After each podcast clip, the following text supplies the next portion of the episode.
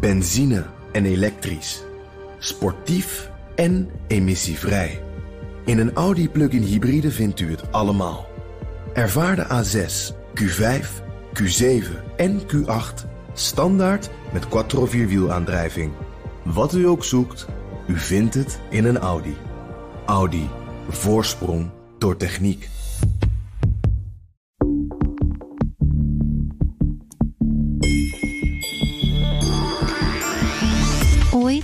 Voordat ik de host werd van de China-podcast, studeerde ik theoretische natuurkunde.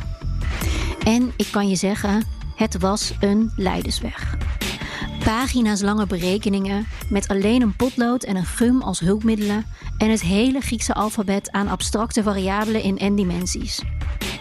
En aan het einde bladerde de professor naar de laatste regel op de laatste pagina van je gigantische berekening. En dan was het antwoord goed of fout. Iets anders was er niet. China beïnvloedt de wetenschap in Nederland, blijkt uit nieuw onderzoek van het Klingendaal.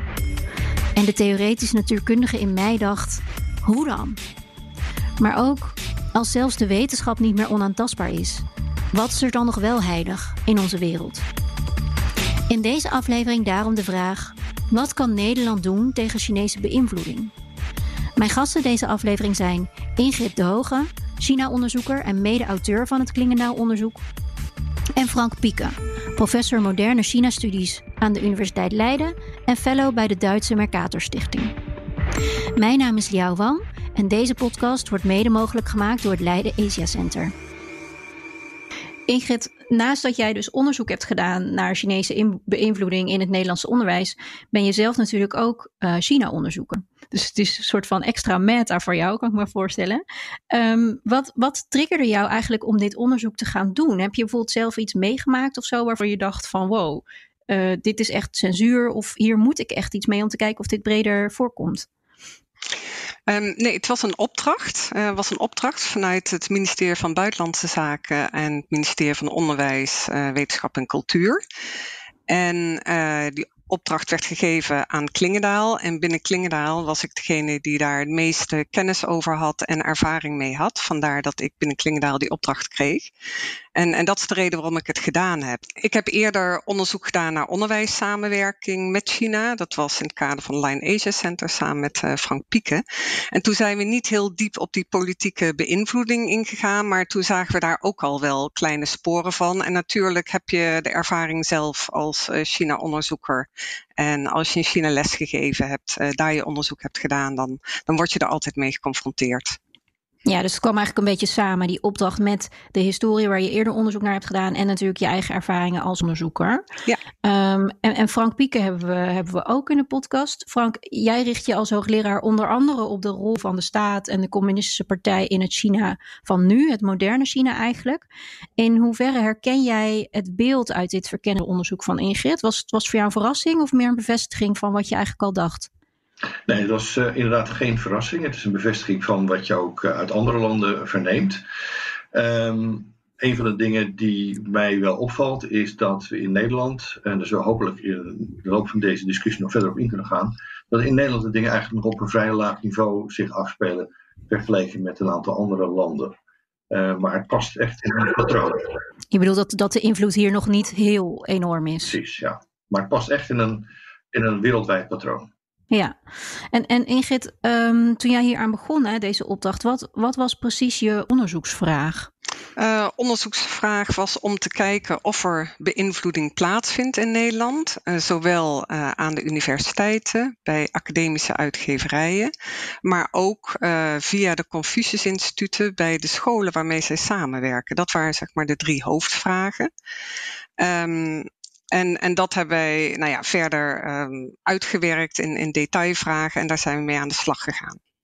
En, en hoe lastig was het vervolgens om dit onderzoek uit te voeren? Praten mensen daar gemakkelijk over? Zaten mensen misschien daar stiekem ergens over mee? Of was het juist heel uh, ingewikkeld? Nou, het viel me mee hoeveel van de mensen die we hebben aangeschreven met verzoek om een gesprek hierover uh, daarvoor toestemming gaven. We hadden het wel heel goed geregeld dat het echt uh, het gesprek en alle onderzoeksgegevens volledig vertrouwelijk uh, behandeld zouden worden. Dus ook onze opdrachtgevers weten niet met wie wij gesproken hebben. Dat weten alleen de twee onderzoekers, ik en mijn mede-onderzoekster Brigitte Dekker. Um, en deze gegevens worden vernietigd. Dus het is volkomen vertrouwelijk. En dat was voor de meeste mensen wel een, echt een vereiste. En daarnaast moet ik zeggen dat toch, en dat schrijven ook wel in het rapport, een percentage van de mensen sprak alsnog niet geheel en al open over wat zij meemaken, wat zij zien, wat zij merken.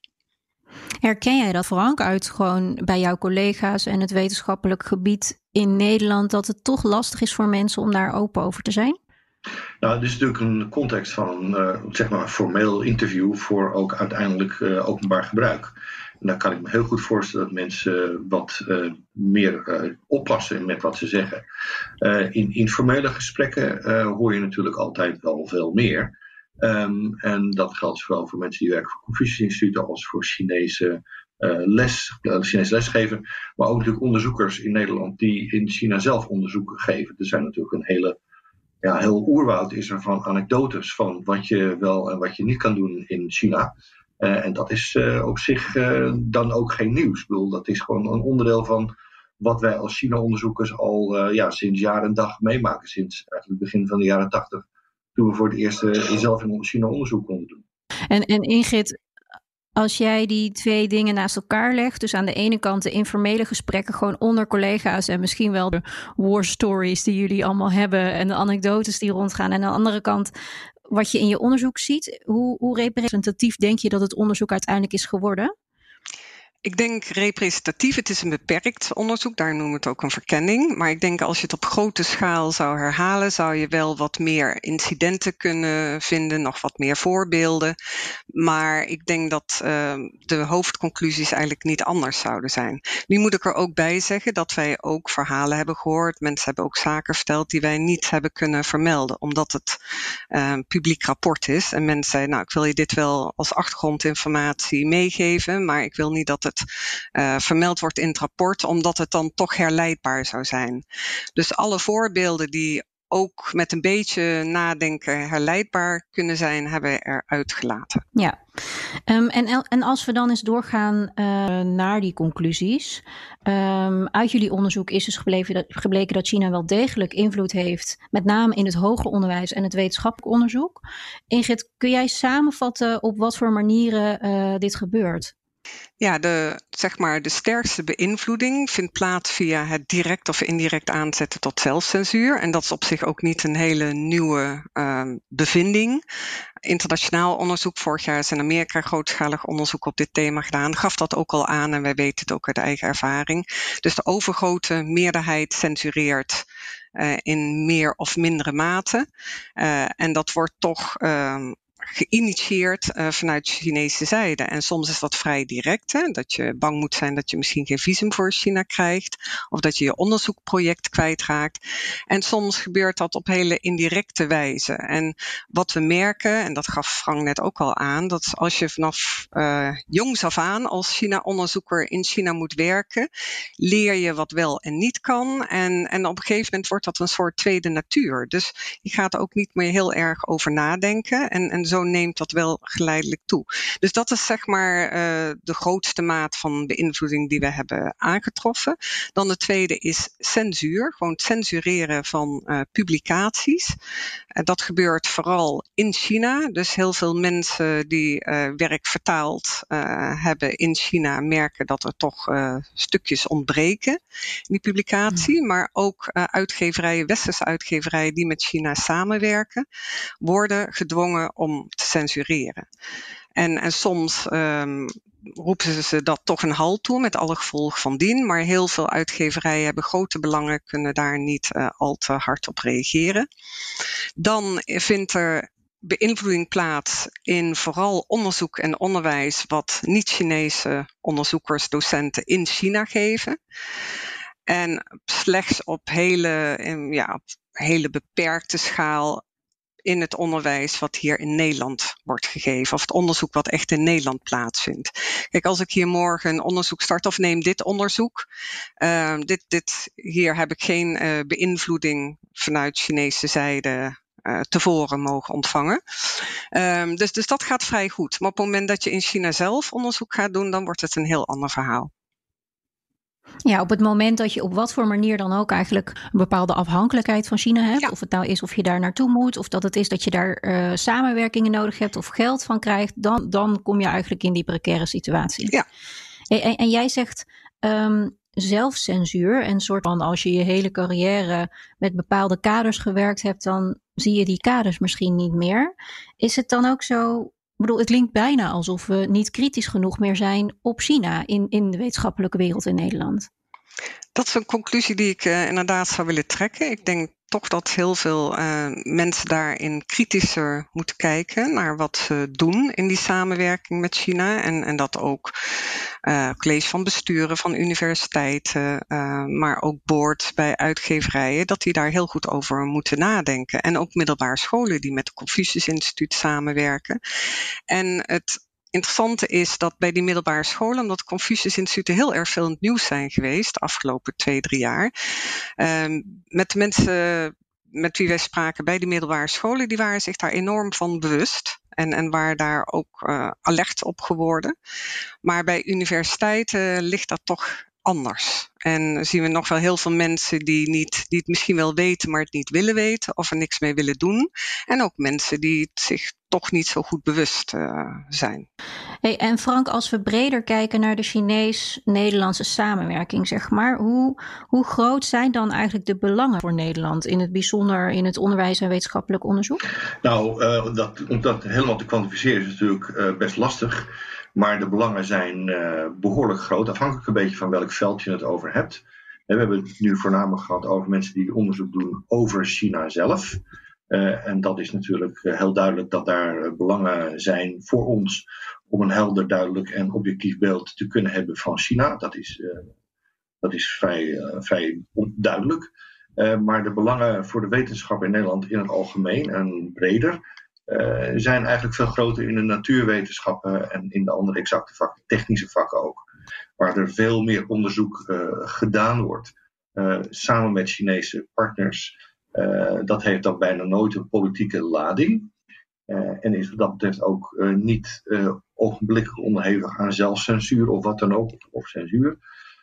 maar puur financieel en wat er uit dat onderzoek komt, is economisch natuurlijk veel belangrijker dan uh, het kleine hoekje van de wereld waar Ingrid en ik uh, ons in bewegen over China zelf. Ik zou er graag wat op aanvullen. Dat in grote lijnen is dat zo, maar je ziet toch ook dat in die uh, zeg beta-wetenschappen of de medische wetenschappen toch ook censuur plaatsvindt. Ja, ik wil daar toch een kleine aanvulling daarop doen. Um, we hadden het net inderdaad specifiek over het probleem van zelfcensuur. Um, en daarvan zei ik dat dat inderdaad uh, voornamelijk een kwestie is van de mensen die onderzoek doen op sociaal-wetenschappelijk gebied. En met name als het over China zelf gaat. Um, dat is natuurlijk een veel breder, probleem waar, waar Ingrid eh, aan, uh, aan refereerde. Namelijk dat van het gebruik, of de misbruik van wetenschappelijk onderzoek. dat samen met Chinese partners wordt gedaan in China. En dat is een heel ander onderwerp, maar een superbelangrijk onderwerp. En misschien eigenlijk nog wel belangrijker dan het issue van worden we nou wel of niet beïnvloed en gecensureerd. Um, het andere punt dat ik wil maken, en dat is ook belangrijk, zeker met het oog op dat uh, voorbeeld van COVID-19, is dat meer en meer onderdelen van de relatie tussen uh, China en andere landen, met name onder druk van Amerika, zogenaamd verwapend worden. En die worden gebruikt als een wapen in de strijd voor hegemonie tussen China en de Verenigde Staten. En wij in Europa krijgen daar ook best wel wat van mee. Uh, en dat betekent dat steeds meer ook wetenschappelijk onderzoek dan niet meer gezien wordt puur als wetenschappelijk of puur alleen om de opbrengst die het zou hebben, maar ook wordt gezien als een politiek wapen om elkaar mee om de oren te slaan. Uh, en dat is in het geval van COVID-19 ontzettend duidelijk. China reageert op die manier omdat COVID-19 een wapen is geworden van Amerika tegen China en van China tegen Amerika. Dus we zullen zien dat de neutraliteit uh, van wetenschappelijk onderzoek eigenlijk steeds meer in het geding komt. En dat heeft niet zoveel te maken met China. heeft ook te maken met China, maar het heeft ook te maken met de veranderende relatie tussen China en de Verenigde Staten. Dus als, als ik jullie hoor praten, dan, hè, dan hoor ik jullie eigenlijk zeggen van er is een soort spectrum in de wetenschap. Van aan de ene kant het superharde beta-wetenschap, bijna van 1 en 1 is 2 en dat hebben we nu bewezen, zeg maar. En aan de andere kant de sociale wetenschappen die heel veel implicaties hebben voor, uh, voor politiek en, en uh, maatschappij. En dat eigenlijk hè, steeds meer ook hardwetenschappelijk onderzoek die kant opschuift. En dat China daar dus ook steeds meer uh, invloed op wil uitoefenen.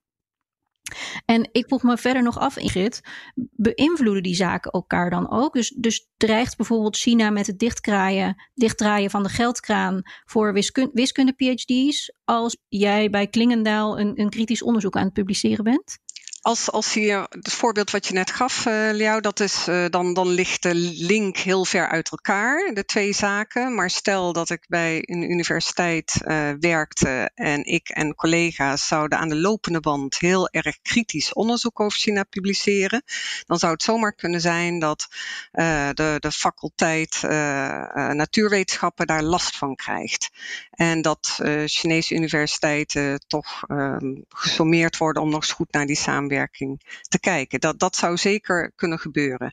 Ik heb daar nog geen voorbeelden van gezien tot op heden. Maar in andere landen hoor je soms wel uh, gevallen daarvan.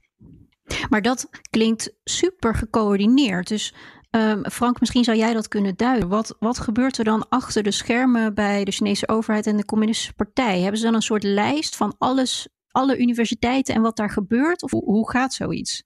Nou, precies wat ze hebben, dat weten we natuurlijk niet. Maar we moeten ook niet vergeten dat dit een beetje, dat dit nu toch wel in het land zijde van de, laten zeggen, die uh, known unknowns. Hè? Uh, het is nog niet iets wat uh, gebeurt. misschien dat er in het buitenland wel voorbeelden zijn geweest, maar zeker in, in Nederland eigenlijk helemaal niet. Dus we weten ook niet precies wat er zou gebeuren en hoeveel informatie ze hebben. Ehm, het, is, ligt natuurlijk wel voor de hand dat uh, als uh, de relaties tussen zeg, Nederland en China uh, zich sterk verslechteren, dat dit een wapen kan zijn.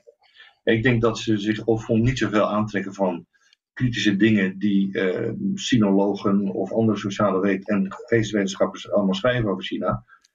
Dat zal ze, tot op heden is ze dat eigenlijk worst. Uh, wat wij in het buitenland doen. En dat blijft denk ik ook wel zo. Maar wat belangrijk is, als dat op een gegeven moment een wapen kan worden om ons uh, hier in Nederland of elders in de westerse wereld om de oren te slaan. Dat ze dan gaan zeggen van nou ja, um, jullie willen allerlei dingen van ons die we eigenlijk niet willen. Of jullie zijn heel kritisch over ons. Of uh, jullie blokkeren Huawei. En dan gaan we nu toch ook eens even kijken naar die wetenschappelijke uitwisseling met de Universiteit van X.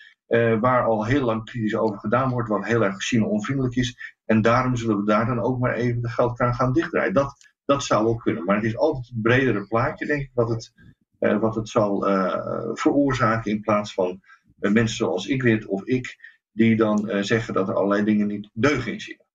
Ja, dus het is niet zo dat ze daadwerkelijk boos zijn op individuele onderzoeken of sinologen. Dat, dat is vanaf voor niet zo belangrijk. Alleen ze kunnen er wel druk op uitoefenen, omdat ze weten dat het voor Nederland heel belangrijk is. Ja, maar dat, dat klinkt voor mij alsof de relatie, ook in de wetenschappelijke samenwerking tussen China en Nederland, eigenlijk best ongelijk is. Alsof, alsof Nederland daar best wel zwak staat. Is, is dat ook zo, Frank? Um, nou, ik denk dat we daar ons zelf eigenlijk zwak in hebben uh, neergezet. En dat is ook iets wat uit het Leiden Asia Center onderzoek dat Ingrid en ik hebben gedaan een twee jaar geleden is dat Nederlandse universiteiten en het Nederlandse universitaire bestel in het algemeen zich eigenlijk totaal niet bewust is van uh, de intrinsieke politisering van de wetenschap in China. Uh, en wat dat betekent voor eventuele samenwerkingen. De naïviteit, uh, maar ook eigenlijk de bijna bewuste naïviteit. Hè, men wil het ook misschien niet weten. was tot, op heel kort, tot heel kort geleden was echt heel erg groot. En daarmee zet je jezelf in een hele zwakke positie. Want je hebt aan de ene kant een partij die wel degelijk strategisch kijkt naar die samenwerking en dat is een strategisch wapen ook kan gaan gebruiken. Aan de andere kant doen wij in Nederland alsof het allemaal gezellige wetenschappelijke samenwerking is, waar iedereen uh, beter van wordt en waar iedereen heel vrolijk van wordt. Uh, en dat is, dat is een ongelijke situatie waar je jezelf inbrengt. Uh, en dat is, iedereen en ik ook heel erg duidelijk over hebben gezegd, daar moeten we vanaf.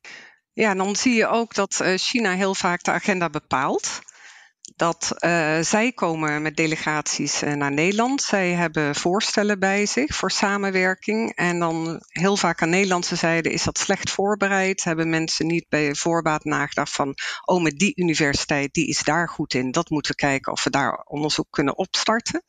Dus ze zijn heel erg afwachtend en daardoor kan China die agenda bepalen. En China weet heel goed welke universiteiten op welke onderdelen heel goed zijn, waar ze wat te halen hebben. En je ziet ook dat door de overheid gefinancierd onderzoek vooral plaatsvindt in uh, op thema's die strategisch belangrijk zijn voor de ontwikkeling van China. Dus China gaat daar heel strategisch mee om en uh, wij doen dat veel minder. En, en dat is ook wel iets waar we beter naar moeten kijken. En um, als, als je dan de link wil leggen met uh, met de beïnvloedingen. Dat is ook een kwestie van bewustwording. Uh, maar op het moment dat wij heel erg afhankelijk worden van bepaald onderzoek van China, kan die politieke beïnvloeding veel sterker worden.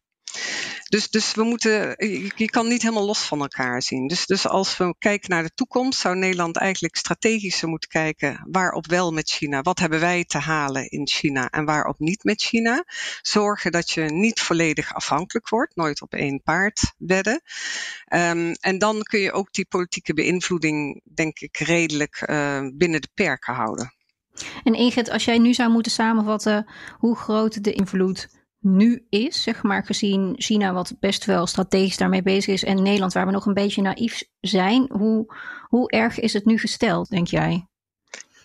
Het is op dit moment nog niet heel erg. En dat komt denk ik om twee redenen. Omdat er toch wel uh, in bepaalde kringen een soort uh, bewustzijn is of, of een soort uh, eigen wijsheid. Waardoor mensen zich ook weer niet al te snel laten beïnvloeden. En omdat wij niet zo belangrijk zijn voor China. Dus, dus dat zijn denk ik twee redenen. Maar als je kijkt naar de lange termijn, het is natuurlijk een glijdende schaal. En, en je laat die uh, beïnvloeding toe, je laat uh, die zelfcensuur toe, daar doe je niet al te moeilijk over. Dan gaat die inperking van wat je nog wel en niet kan zeggen, gaat steeds verder. Dat heb ik zelf ook gemerkt. Als ik lesgeef in China, zeg tien jaar geleden, kon je echt nog hele goede discussies hebben in de klas met studenten over kritische thema's. Wel binnen een beetje de rode lijnen, maar min of meer vrij open debatten. Dat is nu al veel moeilijker. Dus hoe meer je je daarin voegt uh, en, en China steeds een stapje verder gaat, hoe erger het wordt. En als je dan kijkt op nationale schaal, op de lange termijn, dan denk ik dat we een groot probleem hebben. Want als je je als land en als wetenschapper steeds meer gaat voegen naar uh, de regels die China stelt, ja, hoe staat het dan met je eigen wetenschappelijke integriteit? Als je mensen niet extra stimuleert om dan toch dat onderzoek over dat lastige onderwerp met China te doen, waarvoor dan nooit Chinese financiering beschikbaar zal zijn, wat extra lastig is. Als je dat niet actief stimuleert, gaan we steeds minder onderzoek doen op lastige thema's enzovoort. Dus, dus op de grote ja, zeg maar grote tijdlijn uh, is het denk ik problematisch. Wat je ook ziet, uh, dit is een onderzoek in Nederland. In andere landen is er ook een dergelijk onderzoek gedaan, in een aantal Europese landen. En je begint patronen te herkennen. Dus je ziet dat het eigenlijk overal gebeurt. Heel fragmentarisch, maar als je al die kleine stukjes dan bij elkaar voegt, wordt het toch wel een vrij stevig verhaal van uh, beïnvloeding. De mate van invloed die China nu uitoefent op ons wetenschappelijk onderzoek is dus nog beperkt. We leggen ons neer bij te moeilijke onderwerpen en zijn blij met het onderzoek wat we nog wel kunnen doen naar China en in samenwerking met China. Maar er zijn bredere implicaties. Het doet me denken aan een opvoeddruk van mijn moeder. Toen ik klein was, hield ik namelijk enorm van lezen. Per week jaste ik er vijf tot soms wel tien boeken doorheen. Een modelkind zou je zeggen. Maar als ik iets had uitgefroten, kreeg ik een bijzondere straf. Ik mocht een week niet lezen. Andere ouders vonden dit bizar, maar het was wel effectief, want iets ergers bestond er niet voor mij. Uitvinden wat voor jou het belangrijkste is en daarmee druk uitoefenen. Is dat wat China met Nederland doet? Kan geld voor het ene wetenschappelijke vakgebied ingezet worden om het andere te gijzelen? Kunnen zakelijke belangen gebruikt worden om druk te zetten op wetenschappelijke samenwerkingen? En, Frank, jij kijkt daar natuurlijk ook naar vanuit de ontwikkeling van de Communistische Partij en, en hun, de rol van dat bestuur in China. Uh, als je vanuit die blik kijkt, hoe denk jij dat de partij zich daar in de toekomst gaat ontwikkelen? Hoe, hoe gecoördineerd en strategisch gaat dat worden? Nou ja, de partij is eigenlijk bijna synoniem aan uh, strategie. Uh, dat is haar rol. Uh, haar rol is sturing, strategie, planning, coördinatie. Dat is wat ze moet doen en wat ze steeds beter doet ook de laatste tijd.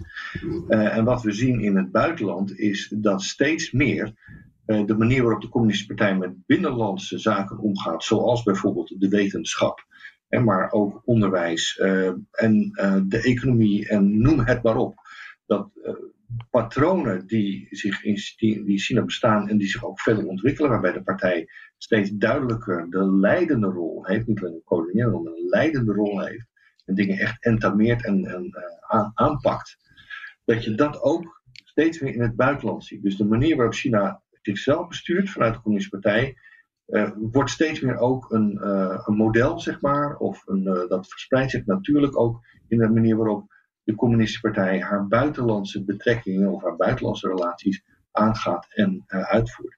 En dat is iets waar we ons heel erg goed van bewust moeten zijn. We kunnen China binnenlands en buitenlands steeds minder van elkaar scheiden. En China wordt een supermacht en supermachten projecteren hun macht in het buitenland. Dat is wat ze doen. Dat is wat Amerika ook al decennia lang zeer effectief en op zeer grote schaal doet. China is daar net mee begonnen. En je ziet net als met Amerika, die haar eigen ideeën en haar eigen structuur in het buitenland uitzet, zie je dat China dat ook doet. En de vraag is dus in hoeverre we dat uh, willen. Uh, maar ook de vraag is hoe we, in hoeverre we dat überhaupt tegen kunnen gaan. Want uh, het, een ontwikkelende supermacht en Nederland, of zelfs de Europese Unie, dat zijn toch ongelijke partners. Ja, want jij gaf, allebei gaven jullie eigenlijk al aan van Nederland is voor China nou, niet zo belangrijk. Uh, om het maar even zacht uit te drukken. Uh, Frank, waar denk jij dat die invloed zich op gaat richten? Zeg maar, als Nederland niet belangrijk is, op welk niveau gaat dit spelen? Nou, uh, zoals je zei, Nederland is niet super belangrijk. Qua handel um, is Nederland toch wel een redelijk belangrijk Europees land. dus kort geleden een heel goed onderzoek gedaan door het CBS hier in Nederland waarin ze met name ook gekeken hebben naar de indirecte invoer en uitvoer uh, van en naar China. Uh, en dan blijkt dat uh, als je dat erbij telt, dat het vergeleken met andere landen en de handel met andere landen met China, dat dat een vrij groot aandeel levert. En als je dat dus erbij telt, dan is de uitvoer en invoer zijn best nog wel groot en best nog wel belangrijk voor China. Maar China kan natuurlijk heel makkelijk zonder Nederland. Dat is, dat is heel erg duidelijk. En wij kunnen eigenlijk niet zo makkelijk zonder China. En China is voor ons belangrijker dan Nederland is voor China. Dat is ook vrij logisch, want in Nederland wonen er 70 miljoen mensen en in China wonen er 1,4 miljard. Dus dan zou het ook heel raar zijn als het anders was. En als je dat doortrekt, hè, wat, wat denk jij dat het grootste risico is voor Nederland als we niks doen tegen die invloed, omdat we niks willen doen of niks kunnen doen? Um, nou, ik denk dat het de grootste risico is, en Ingrid heeft er één aangestipt die denk ik heel belangrijk is, namelijk dat onze kennis over China steeds meer, uh, laten we zeggen, maar tweedimensionaal wordt, of plat wordt. Uh, steeds meer alleen maar op basis van uh, de informatie die we buiten China kunnen vergaren. Steeds meer op basis van stereotypen, meningen, uh, snelle onderzoekjes die eigenlijk niet diep kunnen gaan meer in wat er in China plaatsvindt. En dan krijg je al heel erg snel een soort ja, terugkoppeling, terugkoppelingsmechanisme waarin stereotypen en oppervlakkige feiten voortdurend maar worden gerecycled in plaats van dat ze getoetst worden aan de werkelijkheid in China. Dat zie ik nu al heel erg duidelijk, zeker in de denktankwereld, waar ik ook voor kort geleden een onderdeel van mocht uh, zijn. Dat men steeds minder kijkt naar feiten en wat er gebeurt, en meer kijkt naar posities, meningen, stereotypen. En dat leidt, denk ik, vaak tot hele slechte beslissingen. En is dat die slechte beslissingen in het nadeel van China uitvallen.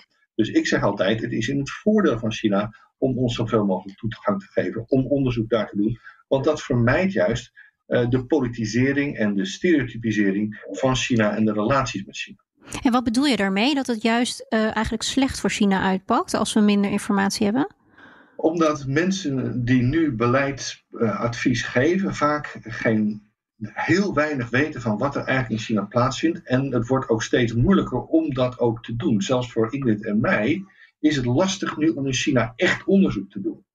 En dat betekent dat we dus beleidsadviezen krijgen, door mij, door Ingrid, maar zeker door mensen die überhaupt niet zoveel over China zelf weten, die niets te maken hebben, of weinig te maken hebben, met wat er daadwerkelijk zich in China afspeelt. En dat is ook in het nadeel van China, want die ideeën zijn vaak veel negatiever gekleurd dan een veel uh, uh, meer genuanceerd beeld dat gebaseerd is op echt onderzoek. Ja, dan gaat het misschien ook wel heel erg over angst. Het gaat over angst, maar het gaat ook over concurrentie, rivaliteit uh, en uh, ja, soms ook bijna racisme. Van China is eng, dat is altijd de tekst die wordt. China is eng en Chinezen zijn eng, China is eng. Uh, en dat kan ook gevolgen hebben, waar ik zelf heel beducht voor ben, voor Chinezen in Nederland. Hè. Uh, niet alleen um, de restaurant-Chinezen, maar ook studenten en, en, wetenschappers en wat dan ook. We hebben heel veel Chinezen in Nederland. En die worden steeds meer vereenzelvigd met dat enge beeld van China, dat, de, Chinese dreiging. En dat is denk ik een hele gevaarlijke ontwikkeling. Ja, ja, dus we hebben eigenlijk die kennis nodig om de juiste beslissingen te nemen voor Nederland, maar ook voor China. Ingrid, um, herken jij je hierin? Kun jij je hierin vinden? Ja, zeker. En aantasting van die kennispositie, dat is een van de grote eindconclusies van ons rapport. Um, en tweede grote eindconclusie is dat we, als dit zo doorgaat, ons steeds meer laten inperken tegen China en steeds vaker op allerlei terreinen niet nee durven zeggen tegen China. En je zag daar onlangs ook weer een mooi voorbeeld van in de politiek, uh, rondom uh, de mondkapjesdiplomatie. Uh, We waren op een gegeven moment heel erg afhankelijk van die Chinese zendingen en je zag dat dat beïnvloedt de manier waarop de uh, Nederlandse regering zich uitliet over zaken die in China gebeurden of die speelden met China. Dus het heeft een heel breed uh, gevolg. Want dit, onderzoek beperkt zich tot onderwijs, maar je kan ook breder kijken naar beïnvloeding in Nederland, hè, subnationale overheden, uh, bepaalde groepen in, in Nederland. Dus het gaat eigenlijk veel breder. Dit is maar één stukje van die beïnvloeding wat we nu hebben bekeken, maar het gaat breder. Dus het, op de lange termijn is het mogelijk ernstig. Ja, en als ik nou aan, toe mag voegen. Um, het rare is dat het eigenlijk vaak averechts uitpakt voor China zelf, of voor de Chinese overheid en de Chinese Communistische Partij. Omdat het stereotype voedt, het, het voedt angsten, het voedt uh, een negatief beeld van China. En je zag dat mondkapjes alweer, dat ja, China gebruikt die mondkapjes uh, als een bot en grof diplomatiek middel om bepaalde regeringen onder druk te zetten. Uh, dat is een feit. Maar het netto resultaat daarvan is dat die regeringen eigenlijk behoorlijk boos zijn over deze behandeling. Uh, en dat op lange termijn de relatie met China daar dus juist verslechtert. En dat is iets wat maar niet in de pottenkop van Xi Jinping te rammen is. Dat wat hij doet eigenlijk op lange termijn uh, uh, als een boemerang weer terugkomt naar China. Nou, ik vind het zo interessant, want het is eigenlijk een soort projectie van uh, zijn eigen normen- en waardestelsel op mensen die eigenlijk met een heel ander normen- en waardestelsel werken. En tegelijkertijd doen wij vanuit het Westen, om het zo maar te zeggen, soms hetzelfde op China, heb ik het idee. Dus daar zit een soort ja, disconnect. Hoe, hoe, hoe overbruggen we dat? Hoe doorbreken we zo'n cyclus? Miscommunicatie. Nou, ik denk toch uh, meer China-kennis, meer uh, mensen opleiden met diepgaande kennis van de Chinese cultuur, van de Chinese taal. Mensen die in China hebben gewoond, gewerkt. Zodat je leert communiceren met de Chinezen en leert herkennen uh, waar de disconnectum in zit. En ehm, ik denk dat dat heel erg belangrijk is, dat dat gaat gebeuren. En het andere wat heel belangrijk is, dat uh, we niet China moeten vereenzelvigen met alleen de Communistische Partij of zelfs de Chinese regering. Uh, China is een, uh, ondanks de, wat wij vaak zien, een homogeniteit. is juist een enorm divers land. Bovendien is het politiek ook heel divers, met heel veel verschillende belangengroepen, verschillende deel, lokale overheden die nog steeds behoorlijk losstaan van de centrale overheid, bedrijven die ehm, voor een groot gedeelte nog autonoom zijn, allerlei andere partners. En de Chinese Communistische Partij is niet alle Chinezen bij elkaar. En wat we moeten leren meer is uh, genuanceerd om te gaan met de relaties met Chinese partners, institutionele partners, individuen. Um, op een manier die uh, niet noodzakelijk alleen geïnformeerd wordt door wat de Communistische Partij in Peking allemaal bedisselt. Daar is nog steeds ruimte. En die ruimte blijft er, denk ik ook wel. Want uh, dat, dat is echt een onderdeel van het politieke systeem zoals het is. Um, en op die manier denk ik dat we heel veel dingen met Chinese partners kunnen doen. Ehm, zonder dat de Communistische Partij in Peking, de centrale Communistische Partij in Peking, daar nu onmiddellijk een, een halt toe kan. Ja, heel veel collega's, heel veel Chinese onderzoekers, ehm, docenten vinden het ook enorm vervelend hoezeer zij worden ingeperkt door de Chinese overheid, door de Communistische Partij. Dus je kan vaak één op één heel erg goed samenwerken en dan ben je het erover eens dat die inperking eigenlijk uh, onzinnig is, uh, die hen wordt opgelegd door de Chinese zijde. Maar om dat genuanceerde beeld uh, te kunnen schetsen, heb je dus mensen nodig die daar ervaring hebben, die, die de taal kennen. Dus daar moet moet meer in geïnvesteerd worden. Ja, die, die, die diepgaande kennis, daar zullen we zelf in moeten investeren. In plaats van daarvan alleen maar eigenlijk afhankelijk zijn van China of accepteren wat China daar wil geven. Ja, en dat geldt ook voor de universiteiten, die zich inmiddels vrij, laten we zeggen, op het hoogste niveau bij universiteiten is men zich inmiddels eh, vrij goed bewust van de risico's die er zijn in die samenwerking. Maar dan ontbreekt vaak de capaciteit binnen de universitaire structuur van iemand die zich daar volledig aan kan wijden, die de taal spreekt, die het land kent, om dat, eh, die samenwerking in goede banen te leiden en op te letten dat het inderdaad op een uh, goede wijze plaatsvindt, dat er geen gekke dingen in contracten terechtkomen, uh, dat er wederzijds voordeel echt in de praktijk ook is, enzovoort. Dus het, het is ook een kwestie van investeren in capaciteit en dat kost geld. Op allerlei niveaus, ja. En, en als we hem dan even uh, samenvatten, ga ik deze vraag aan jullie allebei stellen. En misschien dat je hem dan in één of twee zinnen kunt beantwoorden. Um, wat zou Nederland moeten doen tegen Chinese beïnvloeding? Frank, wil jij starten? Ja, nou, uh, we moeten onze uh, samenwerkingsverbanden op wetenschappelijk gebied, onderwijsgebied, moeten we beter toetsen, denk ik. we moeten een toetsingsmechanisme hebben dat door de overheid wordt aangestuurd, waarin we duidelijk kunnen zien wat de eventuele gevaren van een bepaalde samenwerking kunnen zijn, maar ook wat de eventuele voordelen kunnen zijn. En op basis van een dergelijke toetsing dan een ja of nee uh, geven. Dat hoeft niet op alle terreinen natuurlijk, want er zijn heel veel terreinen waar het eigenlijk niet nodig is, maar er zijn veel terreinen waar het wel nodig is. En ik denk dat het daaraan ontbreekt. En het is ook een kwestie van informatie, want we weten vaak ook helemaal niet wat er gebeurt of wat eventueel gevaarlijk of gevoelig zou kunnen zijn. Dus daar begint het, denk ik. Ingrid? Eh, we moeten vooral blijven samenwerken met China, laat ik dat vooropstellen. Uh, maar we moeten beter opletten, investeren in bewustwording, investeren in capaciteit uh, van mensen die die samenwerking goed kunnen beoordelen. En ik denk dat de universiteiten beter in kaart moeten brengen. Dat doen ze al wel een beetje, maar dat kan nog een slag beter. In wat ze nu eigenlijk doen in die samenwerking met China. En als je dat allemaal samenneemt, kun je denk ik een heleboel risico's uh, dermate verkleinen dat er eigenlijk geen reden tot zorg meer zou zijn. Dank jullie wel. Graag gedaan. Graag gedaan. Bij ons thuis was er een behoorlijke nadruk op de vuile was niet buiten hangen. Nooit je stem verheffen aan publiek. Niet gelukt, overigens. Niet over je ouders klagen op school. Ook niet gelukt, helaas. Ik weet nog dat mijn opa in China was overleden en dat ik deed alsof er niks aan de hand was. Omdat ik dacht dat het feit dat mijn moeder daarom moest huilen ook viel onder vuile was. Oké, toegegeven, ik was blijkbaar niet echt helemaal sociaal aangepast toen. Maar het feit dat China ver wil gaan om haar reputatie te beschermen, komt me wel bekend voor. En ik herken ook dat meer kennis en communicatie daar juist in helpt. Dan had ik mijn moeder denk ik getroost, in plaats van vrolijk buiten gespeeld en aan niemand iets verteld. Meer kennis, diepgaandere kennis en onafhankelijk verworven kennis over China dus. Als we die verantwoordelijkheid nemen, kunnen we wel op een goede manier samen blijven werken met China. Tot zover deze China-podcast. Dank aan mijn gasten Ingrid De Hoge en Frank Pieken. Deze podcast wordt mede mogelijk gemaakt door het Leiden Asia Center en is terug te luisteren via bnr.nl/slash China-podcast, de BNR-app of je favoriete podcastplatform. Reageren? Dat kan via podcast.bnr.nl.